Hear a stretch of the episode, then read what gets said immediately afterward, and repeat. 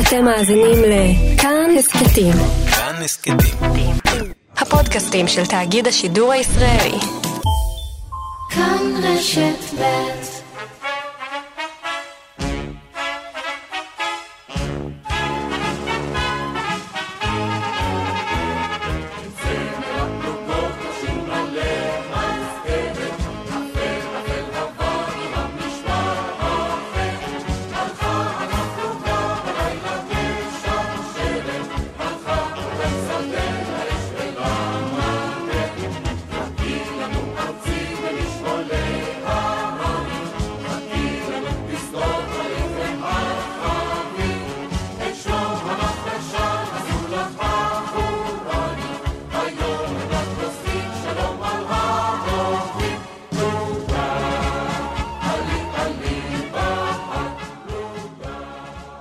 שני הקרוב יציינו בעלי הזיכרון שבינינו מאה שנה לכינוס בחוות כנרת, שבה החליטה המפלגה הגדולה של אז, של ההתיישבות העובדת, אחדות העבודה, על העברת סמכויות ארגון השומר האליטיסטי לכוח מגן חדש הנתון למרותה.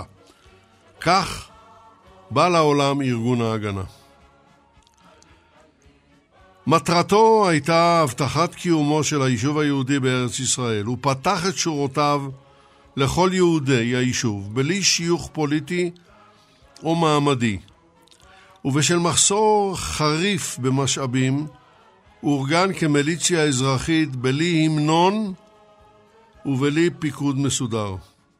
מה שאתם שומעים ברקע איננו ההמנון של ההגנה. הוא לא הקיף את כל היישוב היהודי בארץ ישראל, ולא כל חלקי היישוב סרו למרותו. אבל עד להקמת מדינת ישראל, הוא היה לארגון הצבאי היהודי הגדול של היישוב, והוא שיצר את הבסיס שעליו הוקם צה"ל בזמן החתימה על הקמתו ב-26 במאי 1948, בעיצומה של מלחמת העצמאות. במלאת מאה שנה להקמתו של ארגון ההגנה החלטנו להקדיש לו שידור מיוחד. אחד משניים, מאה שנה להגנה. מביאים אותו לאוזניכם יגאל בוטון וחדווה אלמוג. נתבת השידור והמפיקה ליטל אטיאס. אני יצחק נוי. נתחיל.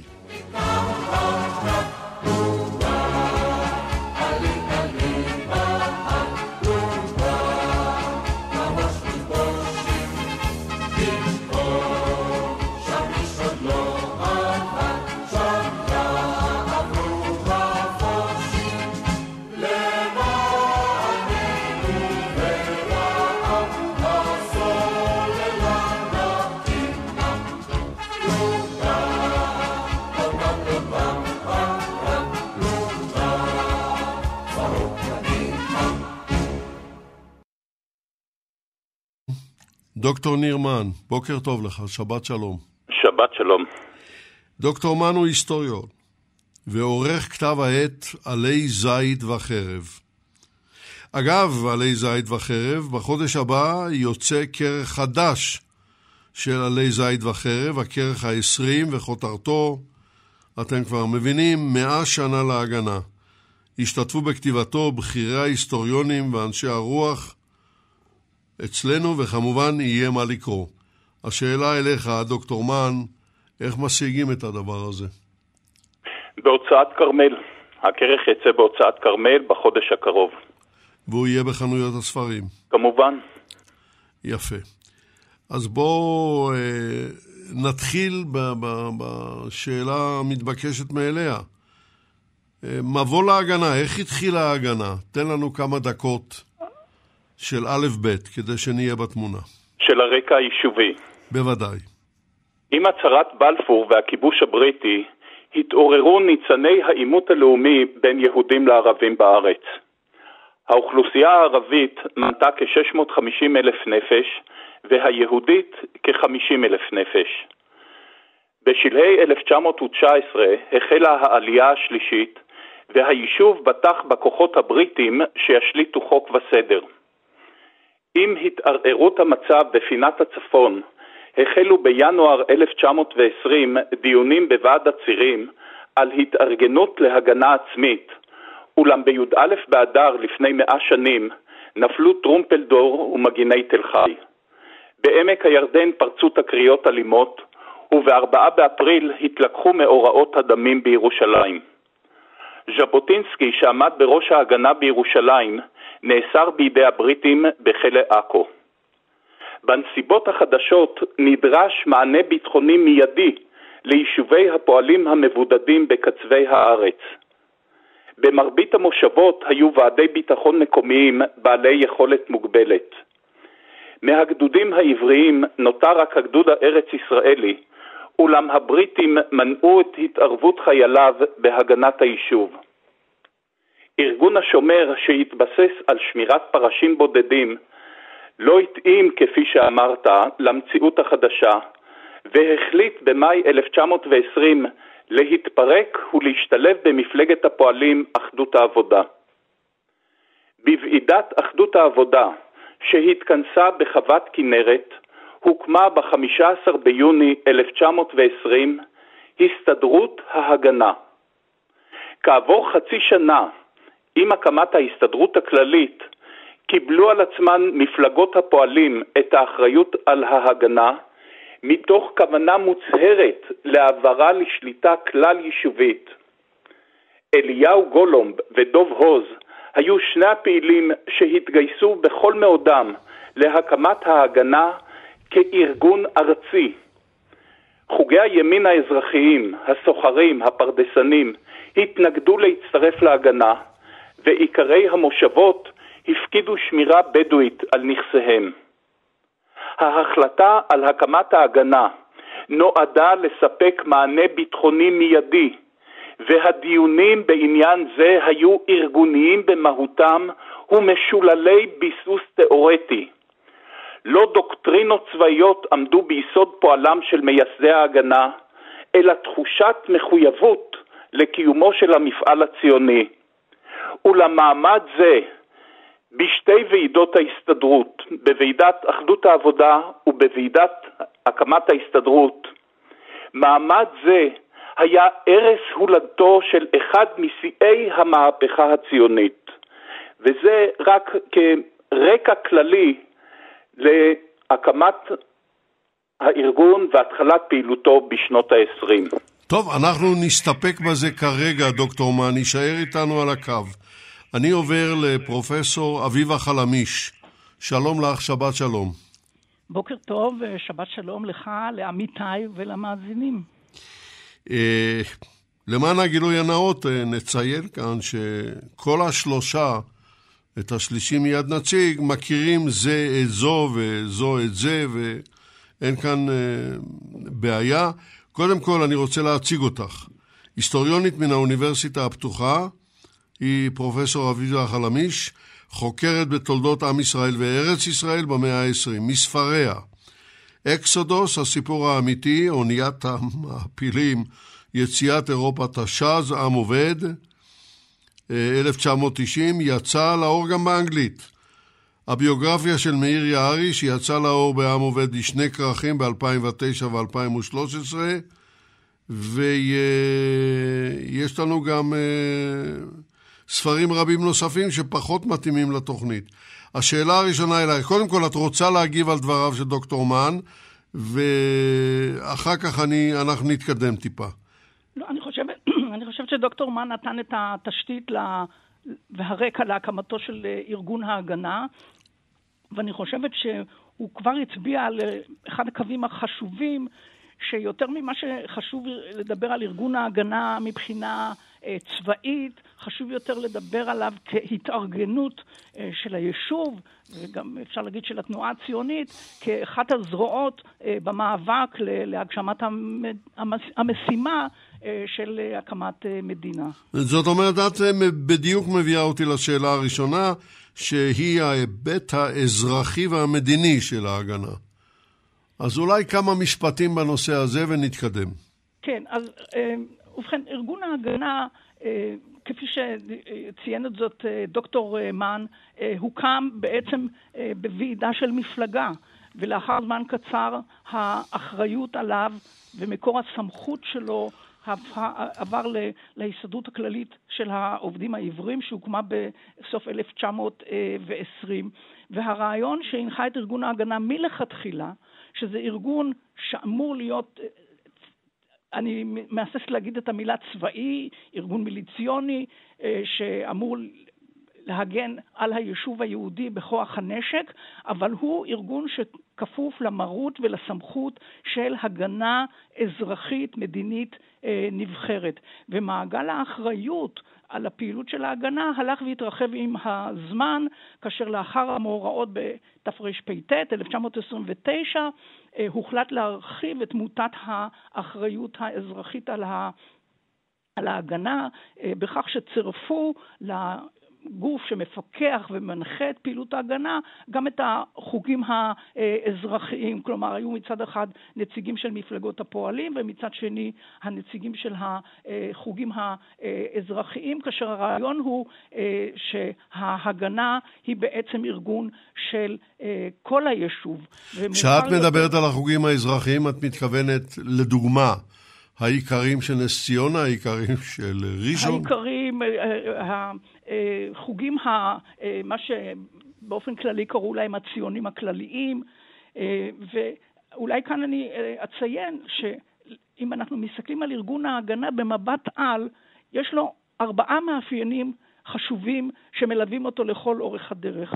דבר ראשון זה כלליות, כלומר כל אדם מן היישוב יכול להיות חבר בהגנה. המאפיין השני הוא כפיפות למרות אזרחית, דבר שדיברתי עליו כרגע. דבר שלישי, הארגון הוא ארגון כל ארצי, הוא מקיף את כל הארץ. אמנם בהתחלה ההתארגנות הייתה יישובית, כל יישוב דאג להגנתו, עם הזמן, גם כתוצאה מהאירועים הביטחוניים, מאורעות תרפ"ט ולאחר מכן המרד הערבי, הארגון הפך להיות אה, ארגון עם אה, גם מפקדה אה, כל ארצית, והמאפיין הרביעי לצורך העניין בשלב זה, זה שהוא ארגון לא לגלי, אבל לא חשאי. כלומר, הוא לא לגלי מבחינתם של השלטונות. אם כי היו תקופות ארוכות של שיתוף פעולה בין הבריטים לבין ההגנה בצורה כזאת או אחרת. אבל הוא לא ארגון חשאי במובן שהיישוב לא יודע על קיומו. טוב, אז... מה, ש, מה שנותר לנו, אנחנו מיד נעבור לעניין הזה של החשאיות או הלגליות, אבל אני חייב לנסות ללבן עוד uh, סוגיה אחת. אנחנו יודעים שבהקמת ההגנה הספיקו להגיע מירכתי טורקיה העות'מאנית ישראל שוחט ומניה שוחט. הם היו המנהיגים של השומר, והם קיבלו את, הגנת, את הקמת ההגנה קשה מאוד. רע מאוד הם קיבלו אותו. אבל הסבירו להם שהעיקרון כבר לא יכול להיות אליטיסטי, כי חייבים לספק הגנה לכל, לכל היישוב. אולי מילה או שתיים גם בנושא הזה, כדי לנסות להבין את ההבדל בין, ה, בין השומר לבין ההגנה. כן, אז קודם כל, אם אתה מזכיר את המילה אליטיסטי, אני לא יכולה שלא להתאפק על אה, מלומר שאמרו שמי שהנהיג את ההגנה ובמידה רבה את היישוב, זה עילית שהחשיבה את עצמה כעילית משרתת. וכשמדברים על ההגנה ועל על הקמת המדינה, אז במילתא דבדיחותא אומרים שהכל התרחש בזכות שני גורמים, הניסים והגיסים. כן, אנחנו נדבר על הגיסים בהמשך, כן, והגיסים הם אליהו גולום, שאול מאירוב לימים אביגור, משה שרת, שרתוק אז, ודוב הוז. אבל מה ש... אה, תראו, זה...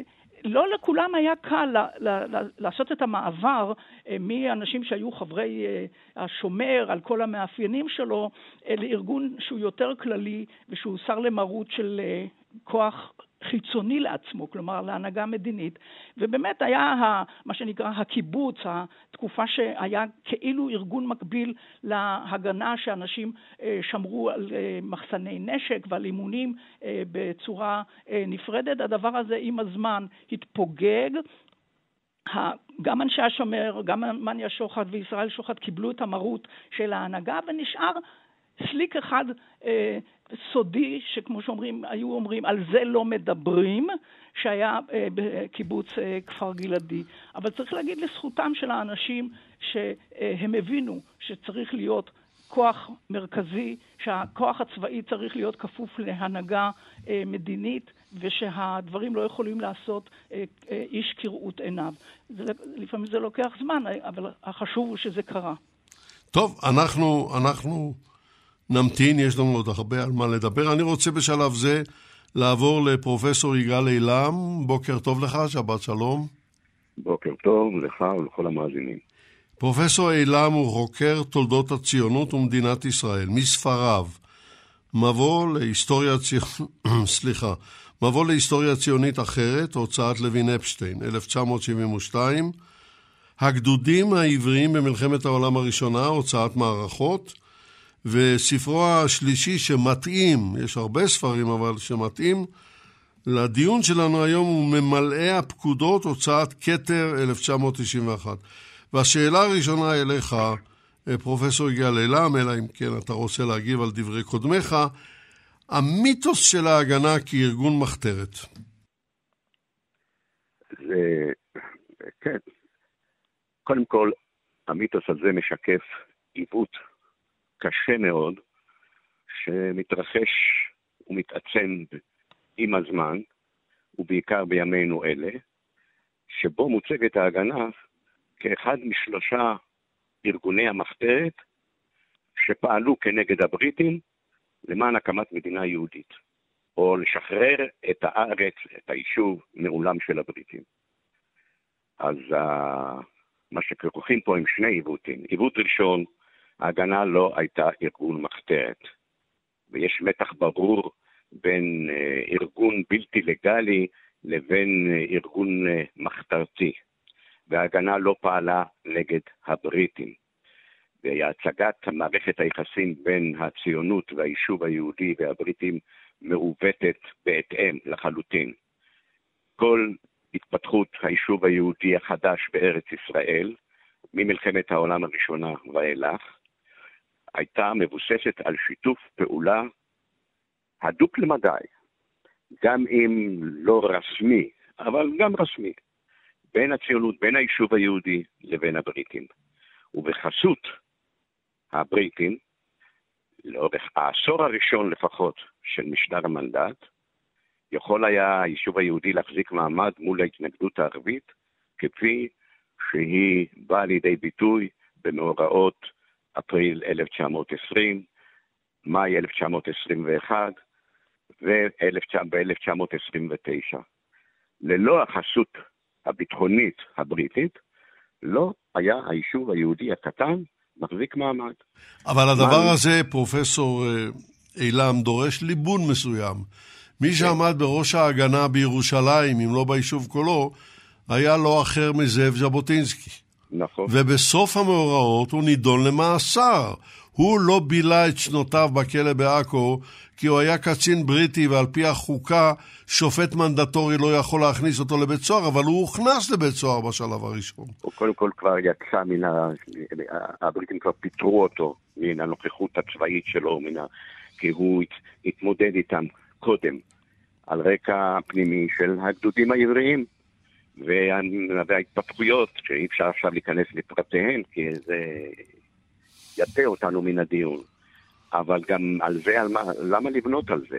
הבריטים כמובן לא, לא הסתכלו באדישות על כך שקיים פה כוח לא, שאיננו, שפועל שלא על דעתם, ובאופן שבו הם ניסו לנהל את העניינים, ובעיקר מן הרגע שהתחיל פה משטר אזרחי, המגמה שלהם הייתה למנוע ליבוי ושיסוי של שתי האוכלוסיות זו בזו.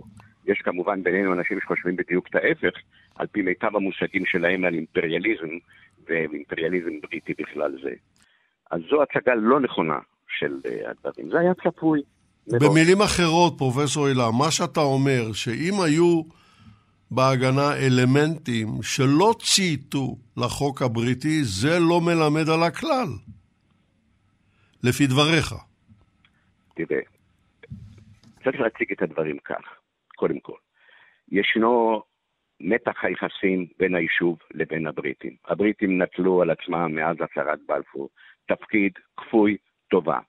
הציפייה מצידנו הייתה שהבריטים כמובן יגישו לנו את המדינה על תש, על תש של כסף, למרות יחסי הכוחות הדמוגרפיים, או יחסי המספרים הדמוגרפיים, שמן ציין בצדק, עם התחלת המנדט, או ערב מלחמת, או עם, עם תום מלחמת העולם הראשונה, יש לנו יישוב יהודי של 50-60 אלף איש בארץ, מול 600-700 אלף לא יהודים, ערבים ואחרים בארץ. במערכת יחסים כזו אי אפשר היה להגיש את, ה, את המדינה היהודית או להבטיח את המדיניות שתתאים לחלוטין לציפיות הציוניות. פשוט לא היה אה, אה, מעשי. אבל מה שכן הבטיחו הבריטים במשך תקופת המנדט, את האפשרות להגדיל את היישוב היהודי, להצמיח אותו, מ-50-60 אלף ל-500 אלף ערב מלחמת העולם השנייה. ובלי הדבר הזה לא היו מתרחש, לא הייתה קמה מדינת ישראל, כמובן. כן. יורשה לי... אה, לא. בבקשה, בבקשה, פרופסור חלמיש. כן, אני חושבת שאנחנו צריכים להבדיל אה, בנקודות זמן שונות. כלומר, כשארגון ההגנה קם, הוא קם כארגון שנועד להגן על היישובים היהודיים מפני הערבים, עד שהצבא הבריטי יגיע ויעשה את המלאכה, כלומר לא במקום הצבא הבריטי, אלא עד שהצבא הבריטי אה, יעשה זאת. במשך השנים התפתח שיתוף פעולה מאוד הדוק, אני מדברת כרגע באמת על ההיבטים היותר שקשורים להגנה, לא על מכלול המדיניות הבריטית והציונית. אה, אתם אומרים, שואלים מי, מי פירק את הפלמ"ח, אבל אנחנו יודעים שמי שהקים את הפלמ"ח זה היו הבריטים. השיתוף שיתוף הפעולה בתקופת המרד הערבי, פלגות הלילה של וינגייט ו, ופעולות נוספות, הנוטרים אה, וכן הלאה, וכמובן אחר כך במלחמת העולם השנייה. כלומר, במשך רוב השנים אנחנו מדברים על ארגון ההגנה כארגון שנועד להגן על היהודים מפני הערבים בעזרת הבריטים, ורק השלוש השנים האחרונות, בין סוף מלחמת העולם השנייה עד סוף המנדט, המאבק הוא בעיקר בין היהודים לבין המאבק, בין היהודים לבין הבריטים, כאשר, אולי נגיע לזה בהמשך הדיון, ההנהגה המדינית היהודית, הציונית, שומרת על גבולות המאבק באופן כזה שהבריטים לא ייתנו מכת מוות לארגון ההגנה, מפני שמעבר למאבק בבריטים מצפה לאחר מכן מצפה מערכה נוספת, אה, המערכה אה, נגד הערבים. כלומר, יש כאן צריך לראות באמת גם את הגמישות המחשבתית והארגונית, ולעבור ממצב אחד אה, לאחר ולהתאים את הארגון ואת אופן פעילותו ואת השליטה בו למצבים המשתנים גם בשטח וגם ברמת המדיניות. לכך אני הייתי רוצה להוסיף עוד דבר, נקודה שהיא ממש מדהימה, אבל משקפת ביתר עומק את מערכת היחסים בינינו ובין הבריטים. בפברואר 1947, אחרי השבת השחורה, אחרי כל מה שהתרחש בינינו ובין הבריטים, כשנפתח מאבק מול הבריטים, בעקבות הספר הלבן וסיום מלחמת העולם השנייה, ואנחנו מצפים לאיזו תמורה במדינות הספר הלבן. אחרי כל זה, בפברואר 1947, דוד בן גוריון בעימות עם בבין, או נרחיב את היריעה. ההנהגה הציונית מול ממשלת בריטניה מפצירה בממשלת בריטניה להמשיך את משטר המנדט לתקופה של עשר שנים, ואם לא, אז לפחות לשתיים-שלוש שנים. וזה אחרי כל מה שמספרים פה על המאבק עם הבריטים. ואיך אפשר זה, להסביר את זה? זה נשמע, זה... דבר, דבר. אז הסיבה, הסיבה היא ברורה ופשוטה. המאבק הציוני היה מרוכז ומנותב למטרה אחת שבלעדיה אי אפשר להקים מדינה באופן לגיטימי, לקבל על זה הסכמת הפורום הבינלאומי. רוב יהודי בארץ ישראל, או לפחות שוויון כוחות בין היישוב היהודי, שוויון כוחות דמוגרפי, בין היישוב היהודי והערבי. ולכן את השנתיים שלוש לפחות שביקשנו של המשך המנדט, זה שהיישוב היהודי יגיע לרוב הזה. כי באותה שעה יחסי המספרים הדמוגרפיים היו אה, אחד מול שניים. היישוב היהודי, נאמר, נעגל מספרים 600 אלף, והיישוב הערבי מיליון ומאתיים אלף. גם זה הכל במספרים אה, מעוגלים. ללא ספק, כן, ללא ספק, פרופסור אילם, זה נשמע מדהים. מה שאתה אומר, וכמובן נתמך על ידי מקורות, אבל בוא נציין שלמשל ארגון הגג של המודיעין האמריקני, ה-OSS, שבימי מלחמת העולם השנייה וקצת אחריה קיים משרד בירושלים, כשהוא כפוף למשרד הראשי בקהיר, דוחות שלו שהגיעו לוושינגטון מדברים על כך שבמאבק הכוחות בין ויצמן לבין דוד בן גוריון מצליח דוד בן גוריון וזה פועל לרעת האמריקנים מפני שבן גוריון לא יתפשר, בניגוד לויצמן, על המהות והתפיסה של הקמת מדינה יהודית חד משמע, חד משמעית. איך אתה מסביר את זה? קודם כל, צריך להתייחס בהסתייגות רבה, או על כל פנים לקבל הערכה אחרת על אה, יכולתם של ארגוני ביון להעריך מצבים, ובכלל המדינאות, המדיניות החוץ האמריקאית היא אחת הדוגמאות הגרועות בהיסטוריה לניהול מדיניות חוץ. מאז אה, דוקטרינת מונרו שלהם ועד ימינו אלה. ומה שאני רוצה לומר בהקשר הזה הוא זה, אנחנו לא ויתרנו, ההנהגה הציונית לא ויתרה על החלום של אה, מדינה יהודית. ויצמן הוא זה, אם כי ויצמן יכול היה לייצג את העמדה הכי פרגמטית, הכי גמישה לאורך הדרך, ובן גוריון, אה, גם הוא ידע לעשות את זה. אבל כל אחד בסגנונו הוא, וזה לא עמד בשום סתירה עם אה, מה שאנחנו רואים לנגד העיניים. וכשאתה אומר, יש לך מקורות, זה לא מקורות העניין של העימות בינינו ובין, ובין הבריטים. ישנו סירוב מצידנו להודות בעובדות האלה. מי זה מצידנו? הציבור הרחב. חלק מההיסטוריונים ש, שאינם רואים מה, ש, מה שעיניהם קור, קוראות במסמכים המצויים. זה, אלה הן עובדות מוצקות וברורות. אנחנו ביקשנו שיביאו אותנו אל הסף של היכולת להקים באופן לגיטימי, באופן לגלי, באישור האומות המאוחדות, את המדינה היהודית. טוב, אה, רגע, אם, אם רק אה, תמתיני, פרופסור חלמי, כן, שאני רוצה לי... אנחנו שכחנו את דוקטור ניר מן ואני רוצה לחזור אליו, כי כדי להתקדם בדיון באופן אה, יותר מסודר, הייתי מבקש ממך, דוקטור מן, לתת תיאור פרופילי קצר של שישה האנשים, או אם תרצה, שש הדמויות שעיצבו את ארגון ההגנה יותר מכל. בבקשה. כן, אה, במועד החגיגי הזה של מלאת מאה שנים, אז אישים רבים עיצבו את דרכו של ארגון ההגנה, ומצאתי לנכון לציין שישה מהבולטים שבהם, כאשר ראש וראשון הוא כמובן אליהו גולומב, מחוללו של כוח המגן היישובי, שהקדיש את כל חייו למען המטרה הזאת. גולוב נחן בכושר מנהיגות מלכד, במחלוקות ובמשברים הקשים ביותר.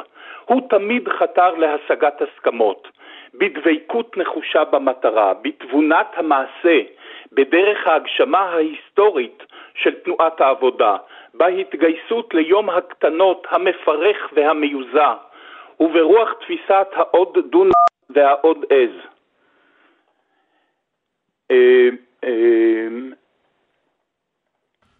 טוב, אתה יודע מה, בוא... רגע, אתה, הייתי אתה רוצה לסיים, בבקשה. שתוארו האוקסימורוני של אליהו גולומב כמפקד הבלתי מוכתר של ההגנה, הגדרה שאין לה אח ורע בלקסיקונים הצבאיים, וכל כולה תרתי דסתרי, ממצה את שיעור קומתו כמי שהתווה את דרכו של ארגון ההגנה, צבא המדינה שבדרך, גם ללא תארים פורמליים. השני הוא היה בעל תואר פורמלי, יוסף הכט, מפקד ההגנה הראשון במשך עשור שנים. נוכח שיתוק מרכז ההגנה והיעדרות גולום מהארץ בשנות ה-20, נאלץ הכט לבנות שדרה פיקודית לפי תפיסתו ומשאביו הדלים. הוא הקים ב-1923 את מועצת הערים עם יעקב פת, רוזה כהן, אמו של יצחק רבין, דוב גפן, אברהם עיקר, זכר אוריאלי, חיים שטורמן. הוא פיקד בהצלחה רבתי על מאורעות תרפ"ט 29 בירושלים.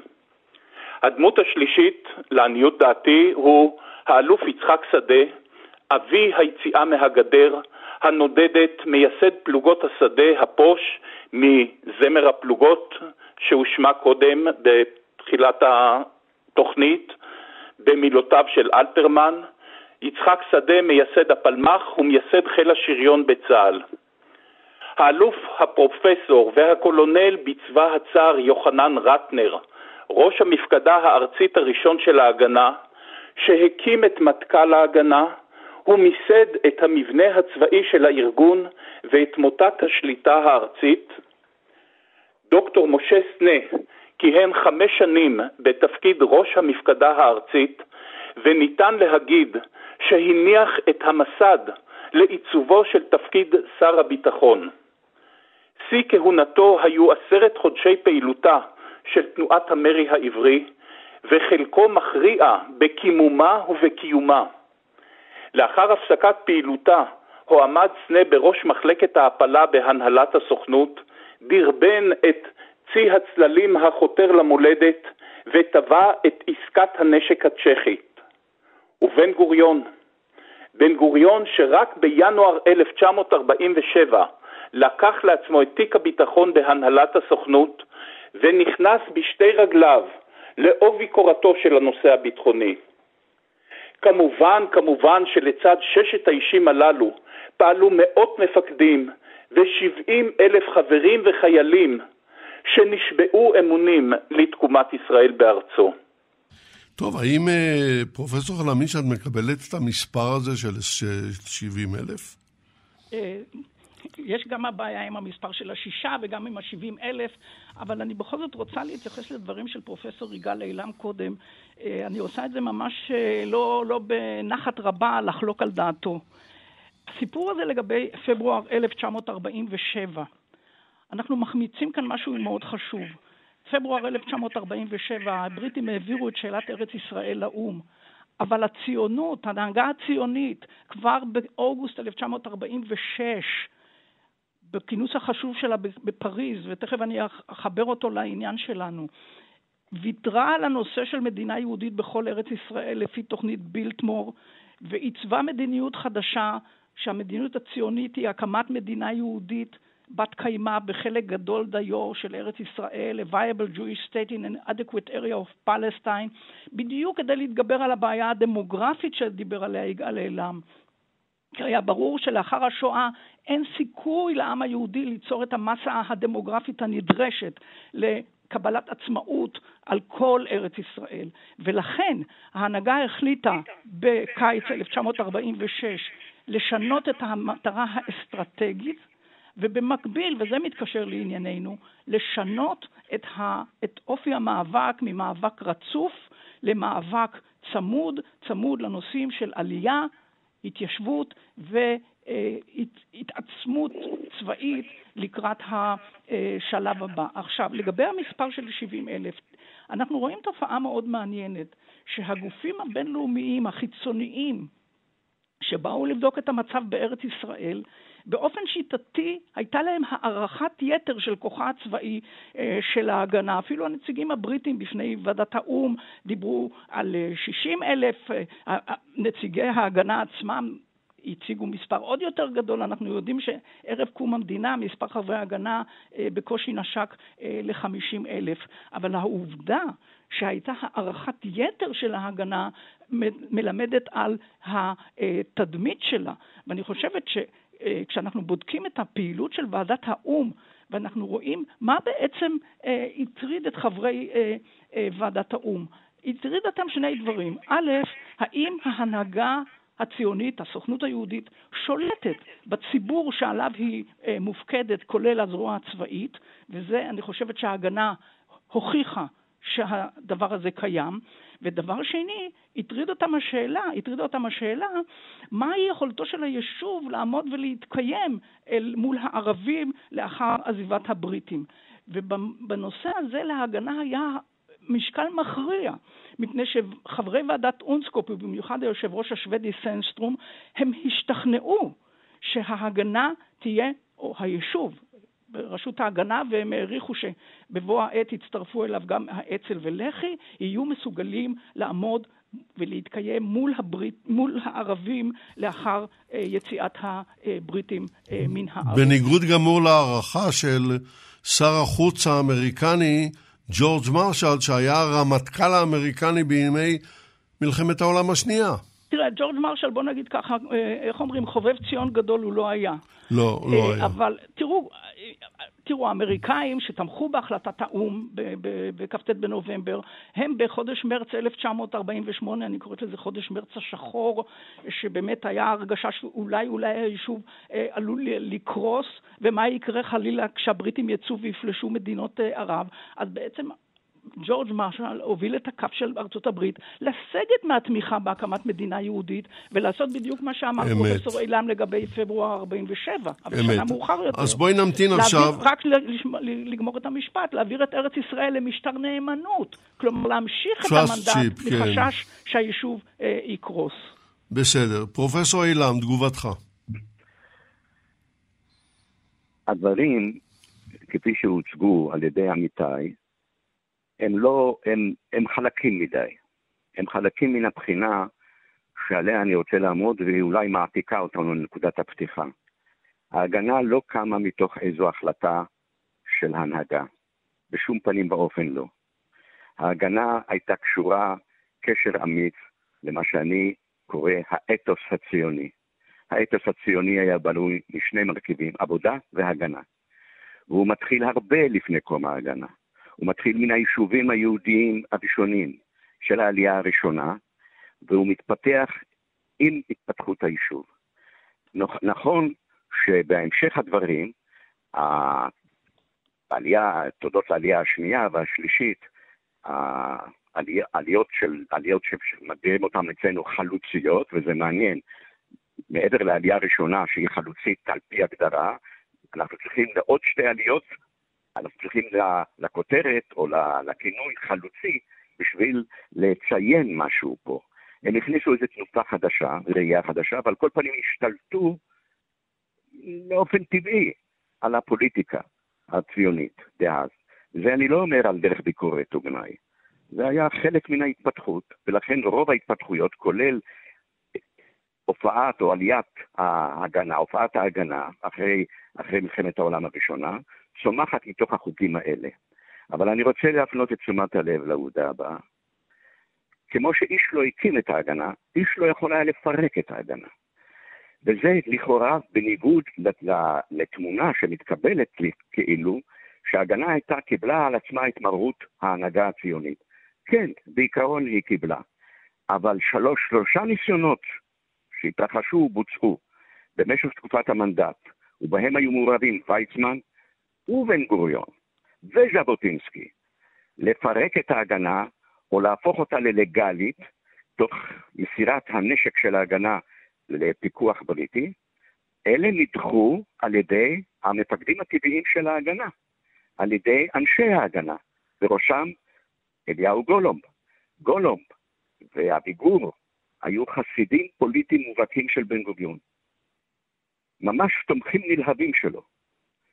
ובנקודה אחת, והיא השמירה על עצמאות ההגנה, הם לא היו מוכנים לוותר, ולא קיבלו גם את הלחצים של בן גוריון. איש לא יכול היה לפרק את ההגנה. ההגנה, כמו שקמה, היא קמה כעשב השדה, מלמטה ולא מלמעלה. היא בדרך כלל, ובעניין הזה נשמרה מכיוון שלא הייתה ארגון מחתרתי, מלנהל מדיניות ביטחון עצמאית משלה, אבל היא שמרה על אותו עיקרון שליווה בעצם את היישוב היהודי מתחילתו לאורך כל הדרך ועד, ועד, ועד הקמת מדינת ישראל, ולזה קראתי האתוס הציוני. עכשיו אני רוצה להגיד, להשמיע עוד הערה אחת, ברשותך. בבקשה. אם הייתי צריך לתת הגדרה חיובית להגנה, מה היא הייתה, אם היא לא הייתה ארגון מחתרת, מה הייתה, הייתי אומר, זה ארגון המגן, והגדרה ידועה, שבעצם היה ארגון הכוח של היישוב היהודי החדש בארץ בתקופת המנדט. וישנה נקודת מבחן אחת למערכת היחסים הזו, גם של ההגנה וגם של היישוב מול הבריטים, וזה הספר הלבן 1939, שהוא מין נקודת, נקודת משבר ונקודת מפנה. אבל אנשים טועים לחשוב, או לא מעלים על הדעת, או לא נותנים את הדעת לעובדה, מה היה הספר הלבן 39?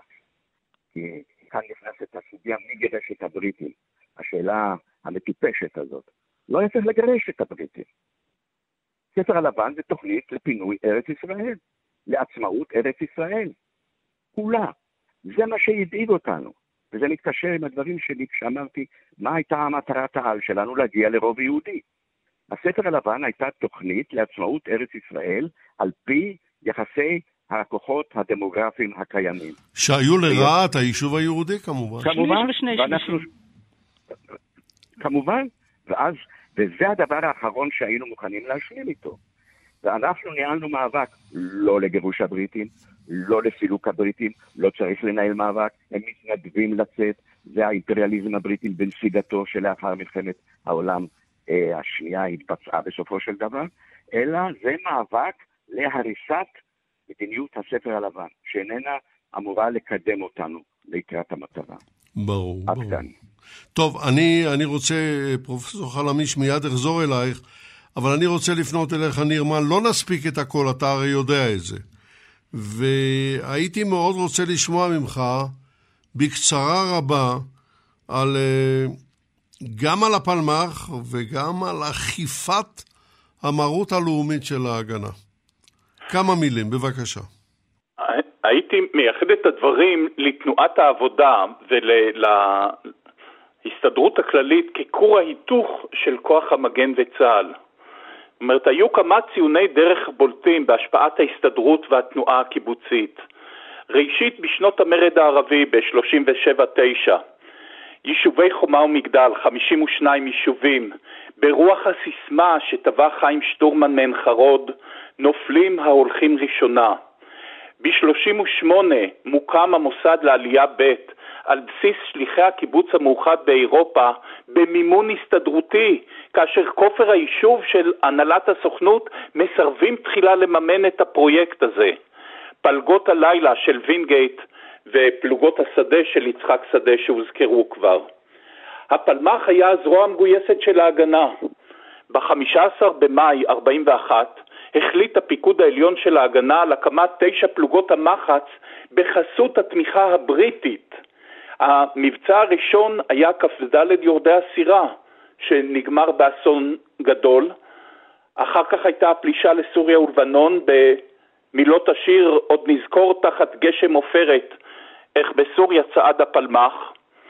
וההתגייסות הגדולה של התנועה הקיבוצית בקיץ 42, התנועה הקיבוצית בראשות יצחק טבנקין, להצלת הפלמ"ח, להצלת הפלמ"ח והפיכת התנועה הקיבוצית לבית היוצר של חוד החנית היישובי. באוהלי הפלמ"ח בקיבוצים, במסעות הרגליים המפרכים למדבר, גובשו, עוצבו וחושלו פלוגות הפלמ"ח וההכשרות המגויסות של תנועות הנוער. לוחמי הפלמ"ח והחיש, כפי שהעירה קודם נכון פרופסור חלמיש, היו העילית המגויסת והמשרתת שנקראה והתייצבה מצו ליבה לשירות הצבאי והשליכה נפשה מנגד בפרוץ מלחמת העצמאות. זאת העילית שהייתה חומת המגן הציונית והדפה את המתקפה הערבית ועל בסיסה הוקם צה"ל. יש נקודה נוספת שהיא פחות מוכרת והיא משמעותית מאוד, שב-1947 מערכת הביטחון נהרתה ונולדה בתשתית המבונה של ההסתדרות. כלומר, בבנייני, לא היו בניינים, הייתה, היו פליטים גדול, גל פליטות פנימי בתוך היישוב, קודם כל מהשכונות בדרום תל אביב, 20 אלף פליטים תל אביבים מהשכונות ביפו, אחר כך מהנגב ומהגליל. הבית האדום של ההסתדרות הועבר לפיקוד העליון, קופת חולים בכיכר דיזינגוף שימשה בית היוצר של הנהלת משרד הביטחון, תנובה, סולל בונה, הנוער העובד, אגודת הפועל, בית פעילי ההסתדרות, הכל מכל. ההסתדרות והתנועה הקיבוצית, בלעדי ההסתדרות והתנועה הקיבוצית, לא הייתה יכולה לקום ולהתקיים אותה הסתדרות ההגנה שהוקמה לפני מאה שנים. ומה בקשר לאכיפת החלטות ההגנה על היישוב? תראה, כמה מילים על זה. ההכרזה הפרזיולוגית והחלולה על המרד של האצ"ל בפברואר 1944 הייתה עלולה להנחית מהלומה אנושה על היישוב. ורצח הלורד מוין, השר הבריטי לענייני המזרח התיכון, בנובמבר 1944 בקהיר, מירי של מתנגשי הלח"י, היה עלול להמית אסון ממשי. רצח מוין בוצע לאחר המערכה העקובה מדם שניהל צבא בריטניה בארנהאם, ולאחר המאמץ האדיר שהשקיעה הנהגת היישוב בהקמת הבריגדה. אלמלא מאמציו של דוקטור חיים ויצמן ומשה שרת אצל צ'רצ'יל, היו הבריטים מסוגלים לסלק את 30 אלף מתנדבי היישוב מצבאם ולפרק את היישוב העברי מנשקו. זאת ועוד, מתנדבי היישוב בצבא הבריטי רכשו ניסיון קרבי, הבריחו ארצה כמויות נשק עצומות, סייעו לעלייה הבלתי לגלית והושיטו סיוע מציל חיים לרבבות ניצולי שואה ויתומים יהודים שברחו על נפשם. וכל הקטסטרופה הזאת הייתה עלולה להתרגש על היישוב על ידי ארגונים סוררים שמסוכסכים זה עם זה, שהחליטו לקחת את החוק לידיהם והפרו בכוונת מכוון את מדיניות המוסדות הלאומיים. בן גוריון והיישוב המאורגן לא נרתעו לאכוף ביד ברזל את המרות היישובית על פורעי הסמכות הלאומית. אלמלא הנחרצות הנחושה של בן גוריון הייתה החתרנות המופקרת מבית עלולה להניע את הבריטים להנחית מכה ניצחת בשעה הגורלית ביותר של העם היהודי ולטרוף את הגשמת המפעל הציוני, וראינו ראו היטב מה קרה בשבת השחורה. למותר לציין שבעיוורונם האסטרטגי של הפורשים, הם בכלל לא נערכו למלחמה בערבים. ובחודשים המדממים ביותר של מלחמת העצמאות לא נקפו הפורשים אצבע עד ההתקוממות מלמטה נגד בגין והמערכה לכיבוש מנשיה. טוב, בואו בוא נסתפק בדברים האלה שאני מניח שבהמשך עוד אה, במהלך השבוע יעוררו זעם רב בקרב חוגים שלנו. אבל עכשיו תגובתך, פרופסור חלמיש. כן, אז תראו, קודם כל צריך אה, לקחת בחשבון ולהעריך מאוד את החשיבות של ההגנה, לא במאבק נגד הערבים ולא רק במאבק נגד הבריטים, אלא ביכולת לשמור על אחדותו של היישוב אה, מבית. והיו להגנה כמה אה, נקודות אה, מבחן. כאן הזכיר דוקטור מן את... אה, הוא לא אמר את המילה, אבל כן, בעקבות הרצח של הלורד מוין, את הסזון, ולאחר מכן, בקיץ 1947... הסזונים למעשה, הגדול והקטן. אוקיי, כן. ודאי, ודאי. והסזון הקטן שלא התרחש בקיץ 1947, כאשר תליית הסרג'נטים כמעט סיכלה את המאמצים של ההנהגה הציונית לשכנע את ועדת האו"ם לגבי היכולת של ההנהגה לשלוט ביישוב ולגבי ה... אה, זה שמגיע ליישוב אה, עצמאות. אבל אני רוצה להשלמת התמונה, הייתי אומרת למען שלום בית. אנחנו רואים תופעה חוזרת ונשנית. שהרוויזיוניסטים והארגונים הפורשים מביאים את הדברים אל סף משבר, אל brinkmanship, אל, אל, אל סף התהום, ונעצרים בזמן. ככה היה ב-1934 בעקבות רצח ארלוזרוב, שז'בוטינסקי עשה הסכם עם בן גוריון. ככה היה בסזון שההנהגה של, ה, אה, של אה, מי שהנהיג את המרד, בגין, למרות שהוא הצית את התבערה, הוא השקיט את הלהבות מבעוד מועד, וכך היה גם בפרשת אלטלנה ביוני בהפוגה הראשונה. כלומר, הביאו את הדברים עד משבר, אבל ידעו לעצור לפני שחס וחלילה אה, פורצת אה, מלחמת אחים. לכן אני חושבת שחשוב לציין, עם כל החשיבות של ההגנה באמת בשמירת אחדותו ולכידותו של היישוב, צריך גם לציין שגם גם הארגונים הפורשים הבינו שכאן עומד על, כף, על כפות המאזניים גורלו של העם היהודי, ובסופו של דבר הם ברגע האחרון, במחיר כבד, התעשתו וגם לזכותם צריך לזקוף את העובדה שבסופו של דבר לא פרצה כאן מלחמת אחים. אלה הם דברים מאוד מאוד קשים. מהי התגובה שלך, פרופסור אילם? קודם כל הערה לגבי עניין הפרישה. בוודאי. הפרישה לא מתחילה לא מאצ"ל ולא מלח"י כמובן, שהוא בעצמו פרש מאצ"ל. הפרישה מתחילה מארגון השומר, אם אתם רוצים. בארגון, כלומר, לא- הפרישה לא שייכת לצד הימני של התמונה, היא שייכת גם לצד השמאלי, ובעצם היא שייכת לנקודה אחת, להבחנה אחת. מי קיבל ומי לא קיבל את מרות היישוב המאורגן. לא, לא בכדי נקרא יישוב יישוב מאורגן, יישוב שמקיים מוסדות משלו, החל מרמת המושבה המבודדת, שמקימה לעצמה ועד, דבר ראשון, כשהיא, קמה, כשהיא אה, מתארגנת בשטח. ודרך דרך, דרך, אה, דרך הערים. כל המערכת היישובית, כמערכת מאורגנת, הייתה מערכת ממוסדת, עם הנהגה משלה, עם כללים, כללי התנהגות, נאמר, מקובלים.